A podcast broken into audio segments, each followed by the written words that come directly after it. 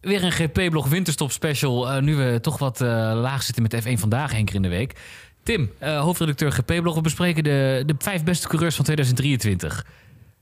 Ja, nog steeds met mezelfde trui. Inderdaad, ja. Jij hebt wel lekker een warm, warm versie Het is ondertussen januari, weet ja. je. Dus ik zit lekker warm erbij. Ja. Jij hebt maar één trui voor de winter ja. gekocht. Um, vijf beste coureurs. Dan kijken we inderdaad naar jou. Ik bedoel, je bent de enige hier in de studio samen met mij. Maar um, jij hebt de, de consistente cijfers uh, gegeven aan de coureurs dit jaar. Over 22 races. We hebben in de zomerstop hebben we gekeken naar die cijfers. En nu kunnen we terugblikken op een heel jaar. En uitmaken wat de vijf beste coureurs zijn. Met uh, ja, bovenaan niet een hele grote verrassing, uh, je mag het zeggen. Nou, nou, nou, nou. Gaan we gelijk, gaan we gelijk alles verklappen. Ja, nee, kijk, je, de, de sprongen natuurlijk één met kop en schouders bovenuit. En als je 19 races uh, in een jaar wint, dan is het niet, niet meer dan logisch dat je, dat je bovenaan eindigt. Ik denk vooral de, de marge die je ook ziet in de cijfers. En, ja, 9,3 hè, Verstappen. Als gemiddelde inderdaad. Ik heb de power rankings van de F1 zelf natuurlijk daar ook wel eens bijgehouden. En weet je, daar kwam Verstappen volgens mij op een 9,1 uit. En ook daar zag je een heel groot gat naar de concurrentie. Je, Verstappen heeft, heeft een wereldjaar gehad. Ik geloof, ik heb het er in dat stukje bijgeschreven, volgens mij 10 tienen gekregen eh, over 12. het hele jaar. 12 zelfs. Ja. Um, weet je, zoveel optredens gehad waarin hij gewoon foutloos was. En um, ja, weet je, ik, ik word er uh, nou nu niet meer, want het race is afgelopen. Maar eigenlijk elke, elke maandag kreeg ik, oh, ik uh, van, uh, van, van Suleiman van, van VI kreeg ik de vraag van en, en wat was het dit keer? Hij geeft natuurlijk cijfers namens VI voor het voetbal. In zijn elftal van de week. En um, ja, weet je, hij geeft altijd hoge cijfers. Want hij ligt alleen de goede spelers er natuurlijk uit. Maar ja, wij moeten cijfers geven aan alle coureurs. Maar ja, wat geef je op een gegeven moment nog aan Verstappen? Want, ja. Ja, ja. Bij een tien stopt het. Ja, je, ja. je, kan niet elke week maar tienen blijven uitgeven. Dus daarin natuurlijk op een gegeven moment wel is wat kritisch geweest. Van ja, dan maar een punt eraf getrokken omdat de start niet goed was. Ja, precies. Gaat er, gaan, gaan op een gegeven moment, hebben we het al eerder over gehad. Op een gegeven moment gaan er toch andere uh, criteria gelden voor Verstappen. Die komt op zijn eigen league. Ja, en, en je, je moet gewoon dat... dat dat heel kritisch blijven bekijken. Zoals jouw coureur natuurlijk kritisch bekijkt. Alleen ja, je gaat met een iets andere lens naar Verstappen kijken. Omdat ja, het wordt op een gegeven moment zo buitengewoon. Hmm. Um, ja, dat, dat je daar soms iets anders naar moet kijken. Maar volgens mij als je met een 9,3 ja, eindigt als gemiddelde, heb je het vrij Maar je, doet het natuurlijk bij elke coureur. Je kijkt natuurlijk ook als jij bijvoorbeeld een verwachting hebt van Norris... en je doet er van dit is echt totaal tegen verwachting in wat we bij Norris zien... nou, dan krijg je een lager cijfer voor. Over Norris gesproken op, uh, op nummer 2 met de 7,6. Groot gat, eventjes. Ja, nou kijk, weet je, dat, dat is het. Weet je, je probeert uiteindelijk te kijken naar uh, wat kan die wagen. Nou, de, de, de beste referentie daarvoor heb je met een teamgenoot. En je kijkt een beetje van, oké, wat, wat haalt een coureur er consistent uit? En um, dat is gewoon het grote gat tussen Verstappen en de rest.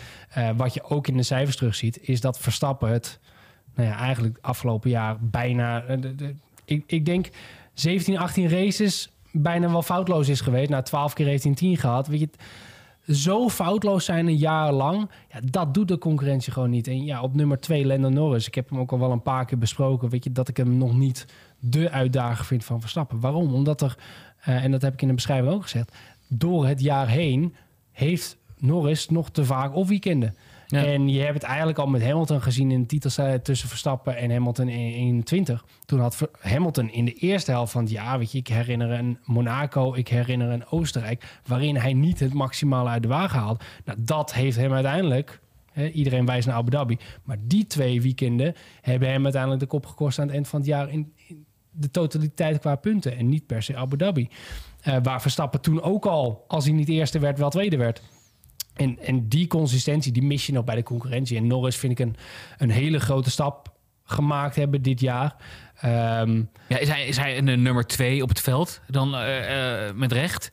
Dit jaar vind ik ja. van wel. Um, Als je, je, je houdt natuurlijk ook rekening met het eerste seizoen zelf... dat die auto gewoon niks doet. Ik, heel eerlijk gezegd, wat kunnen we echt zeggen nog over het eerste seizoen... dat die auto werkt totaal niet mee? Of kan je daar juist heel veel over zeggen... omdat hij er toen toch wel uitsprong? Ik vond hem namelijk in het eerste seizoen zelf nou daar, daar heeft hij ook niet zijn hoogste cijfers gehaald. En ik, nee. uh, weet je, als je daar naar terugkijkt, weet je, zijn dat toch veel uh, vijfjes, zesjes, zeventjes geweest.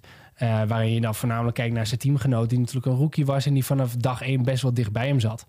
Um, dus in het begin heeft hij niet al te hoge cijfers gehad. Maar vanaf, vanaf Oostenrijk, daarna Engeland en alle races die daarna volgden, uh, heeft hij gewoon heel veel races echt op de toppen van ze kunnen gepresteerd. Uh, met een enkele, enkele uitzondering, echt dat hij echt top was. Um, maar ja, hij zit niet in de buurt van die 9 van Verstappen. Omdat hij ook weekenden als Qatar heeft.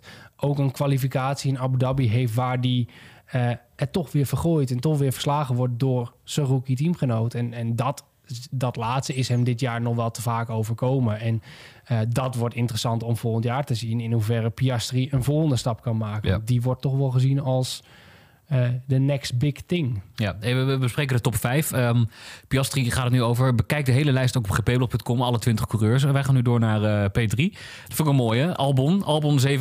Want ja, eh, dat, dat is natuurlijk wel een topper op het veld. Uh, voor mij sprong hij dit jaar echt eruit hoe hij... Nou, Vaals heeft misschien echt veel betekend voor Williams.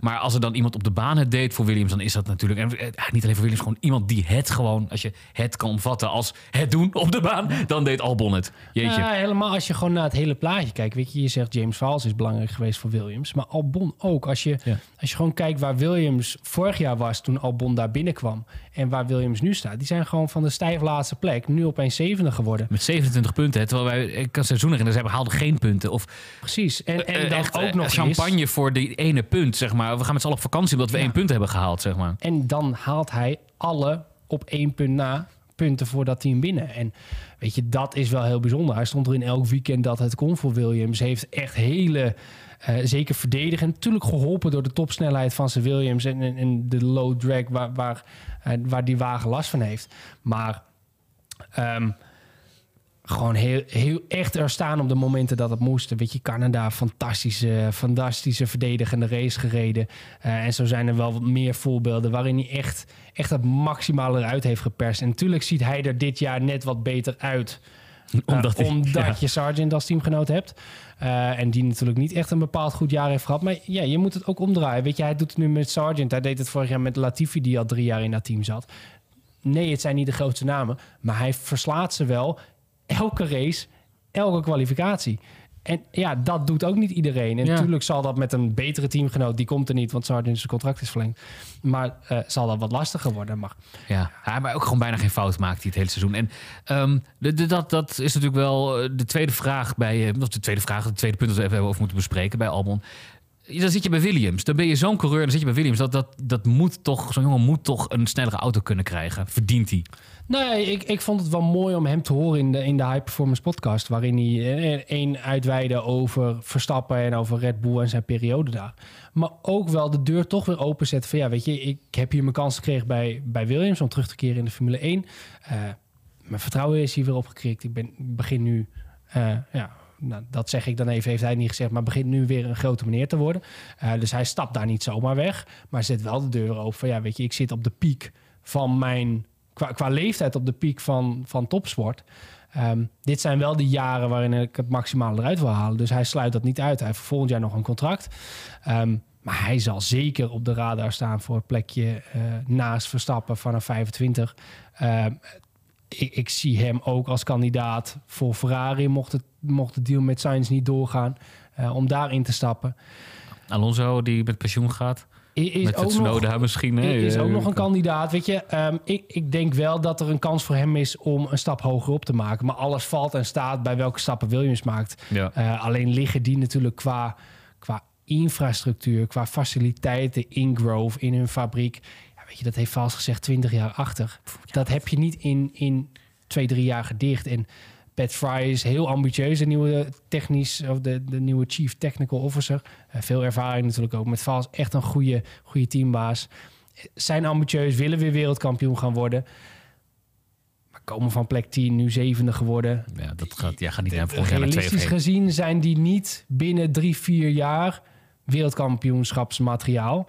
Um, dus als Albon een stap kan maken, dan, dan moet hij dat zeker doen. Ja, nou, Albon 7,5 gescoord dit jaar. Ben ik even een beetje flauw geweest, want het is een gedeelde derde plek. Maar ik vond Albon toch net eventjes een... Uh, ja, eh, mijn, mijn, uh, mijn mening. Een tikkeltje hoger dan Alonso. Hoewel het natuurlijk ook een geweldig seizoen was van, uh, van de Spanjaard. Hij heeft ook een 7,5 gehaald. Gedeelde derde plek, wat ik zei. Um, ja, Tim. 7,5 Alonso. Um, dan kan ik me wel herinneren dat wij in de zomer, toen we het over Alonso hadden, hij een stukje hoger stond. Voor mij op, op de tweede plek van de coureurs. Ja, begon natuurlijk het jaar fenomenaal. Ja. Um, goed gegokt met Aston Martin. Uh, ja, gegokt. In zijn carrière. ja. Uh, hele reeks aan podia verzameld. Uiteindelijk alle podia die zijn verzameld door Aston Martin dit jaar heeft Alonso behaald. Als je het verschil ziet in punten tussen hem en Stroll is gigantisch.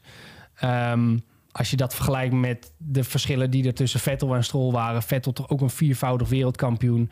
Uh, wordt door velen ook nog wel hoog aangeschreven.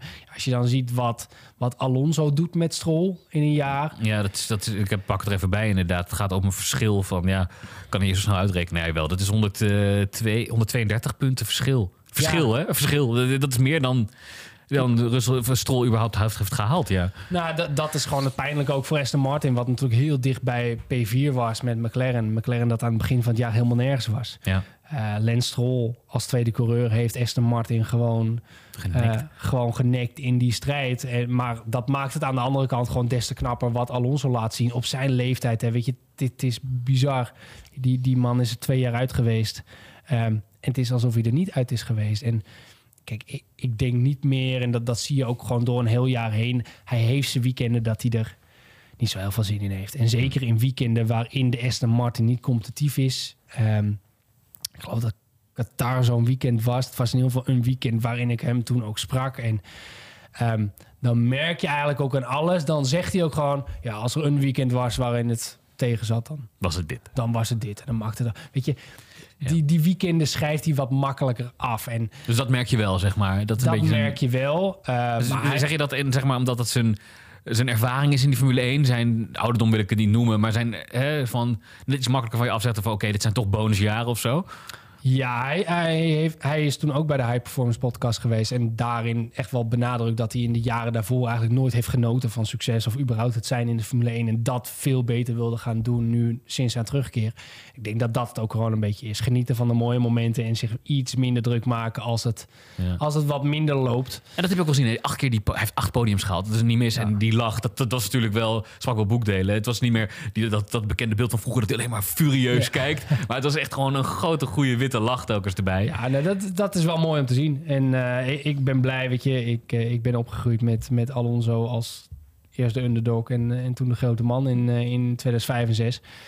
Um, ja, weet je, het, het, is mooi om hem weer op de top te zien. En weet je, ik, ik, hij zal waarschijnlijk geen wereldtitel halen nog, maar het is, het is mooi dat hij weer in een wagen zit waarin hij in ieder geval een beetje mee kan ja, doen. Even, weet je nog, even voor een honorable mention, wat je, welk cijfer jij hebt gegeven in Brazilië toen? Dat was natuurlijk wel, ik vond dat het moment, moment van het seizoen, zeg maar, uh, Perez tegen Alonso, die laatste tien ronden.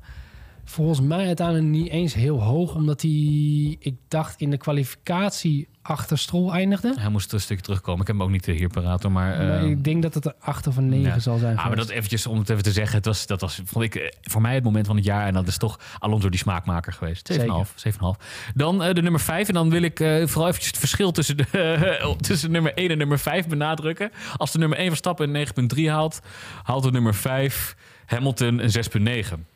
De spread, ja, we hadden het bij Norris er al even over. Dat is een flinke spreiding. Ja. Maar toch netjes een zevenvoudig kampioen. En een auto die er toch niet bij is. Uh, we hebben een andere F1 vandaag ook over gehad. Toma karakter. Probeer maar je hoofd naar beneden te houden. En te vechten met een auto die niet helemaal mee wil. Hamilton een 6,9. Ja, Net 7. En daarin zie je denk ik ook... Uh, want ik denk zeker aan het begin van het jaar had niemand ooit verwacht dat je Hamilton nu nog in dit rijtje zou gaan zetten. Want nee, precies. Echt een dramatische start van zijn seizoen. Uh, ik geloof dat hij die eerste vier kwalificaties, waar te vier werd outqualified door, uh, door Russell. Uh, dus echt niet goed begonnen. Maar dan zie je toch die kwaliteit van Hamilton dat op het moment dat hij een manier vindt om met die wagen om te gaan, ja, dan, dan zet hij een reeks neer. En hij heeft natuurlijk Russell door het jaar heen uiteindelijk echt gebroken. Want op zijn plek gezet, hè, is het omschreven. Over ja, Alonso Stroll. En kijk, Stroll, daar wordt altijd een beetje lacherig over gedaan. Maar Russell was... is natuurlijk wel binnengehaald als, als toekomstig kampioen, eh, zeg maar. De, ja, de, de nieuwe verlosser van Mercedes. Nou, die is de tweede helft van het seizoen echt finaal naar, naar de gruzelementen gereden door, door Hamilton. In de kwalificatie nek aan nek, 11-11 uiteindelijk geëindigd. Gemiddeld verschil zelfs een klein beetje in het voordeel van Russell. Maar in de races ja, is, is Hamilton echt nog wel een klasse apart. En op het moment dat hij gewoon zijn ritme heeft... Uh, ja, en dat zie je, weet je, uiteindelijk met de wagen die hij heeft, wordt hij gewoon derde in het wereldkampioenschap. Hè? Hij is gewoon best op de rest achter de Red Bulls. Ja. Uh, maakte zelfs nog even kans om P2 af te pakken. Dat met die inconsistent presterende wagen vind ik uh, ook, net als met Alonso, ook op zijn leeftijd, een indrukwekkende prestatie. Zit hij nog op het niveau van Verstappen? Vind ik niet, want ik vind ook dat hij... Zit hij nog op zijn eigen niveau? oude niveau, zeg maar. Nou ja, ik vind dat hij daar, hè, weet je, door de jaren heen heeft hij altijd wel opstartproblemen gehad, noem ik het zo maar even. Weet je, dat was natuurlijk in het duel met Verstappen ook. Heeft hij ook met Vettel in die jaren gehad. Ehm, in het begin van het jaar moet Hamilton op de een of andere manier altijd inkomen. Als hij er eenmaal in zit, ja, dan, dan kon hij er reeksen neerzetten waar je u tegen zei. Um, dat zie je nu nog steeds, dat patroon. Maar je ziet ook, ook in de goede reeksen, maar ook in de mindere fases, dat de, de dalen wat vaker aanwezig zijn. Um, neem een Qatar. Uh, ook in een fase waarin hij er dus beter in zat, maar echt een compleet off-weekend daar had. Ja. Um, en gewoon in zijn racekracht vind ik dat hij wat vaker incidentjes heeft. Uh, en dat heeft hij altijd wel een beetje in zijn rijstijl gehad. Um, maar dat, dat begint er steeds vaker in te sluipen. Hij heeft gewoon veel vaker momenten waarvan ik denk van... Huh? Over, hmm. overkomt hem dit? Weet je, zo'n moment met Gasly uh, in, uh, in Abu Dhabi. Het, is niet zijn fout, Hamilton, op dat moment. Want Gasly vreemd zich en daar, daar verkijkt zich. Alleen Hamilton van vijf jaar terug was dat niet overkomen. Als het voorkomen had gezien, die had er iets aan gedaan. Zeg maar. dat, daar zie je wel dat, dat hij ouder wordt. En dat is niet gek. Maar weet je, dat hij op deze leeftijd... en dat, dat geldt voor beide oude vorsen... Dat zij, dat zij op deze leeftijd in deze top 5 staan... en en, en nog steeds tot de beste coureurs behoren in de Formule 1. Um, ehm, zegt heel veel over hun commitment. Zegt ook wel iets over de de nieuwe generatie. Hè, naast, naast Verstappen. Um, maar het, het, het, zegt vooral veel over... Het laat klasse zien, ja, toch? Ja. Hoe, hoe, zij knokken, hoe zij fit blijven. Weet je, hoe lang zit hij al in de sport? 20 jaar? Nou, hij debuteerde in 2007. Uh, als je zo lang, zo committed bent en zo fit bent, ja, bizar, petje af. Ja.